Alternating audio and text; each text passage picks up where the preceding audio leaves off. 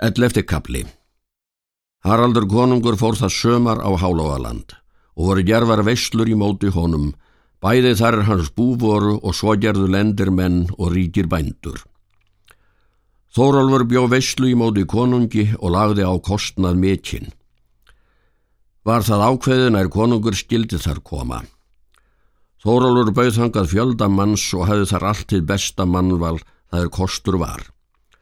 Konungur hafi nær 300 manna er hann kom til veistunar en Þórólfur hafi fyrir 500 manna. Þórólfur hafi látið búa kortlöðu mikla er þar var og látið leggja bekk í og létt þar drekka. Því að þar var eigi stofa svo mikil er það fjölminni mætti allt inni vera. Þar voru og festir stildir umhverfis húsin. Konungur settist í hásæti en er allskipa var hið evra og þið fremra, þá sást konungur rum og róðnaði og mælti ekki og þóttust menn finna að hann var reyður. Veistla var hinn prúðlegasta og öll föngin bestu. Konungur var heldur ókátur og var þar þrjár nætur sem ætlað var. Þann dagur konungur skildi brott fara, gekk Þórólfur til hans og baða þeir skildu fara ofan til strandar.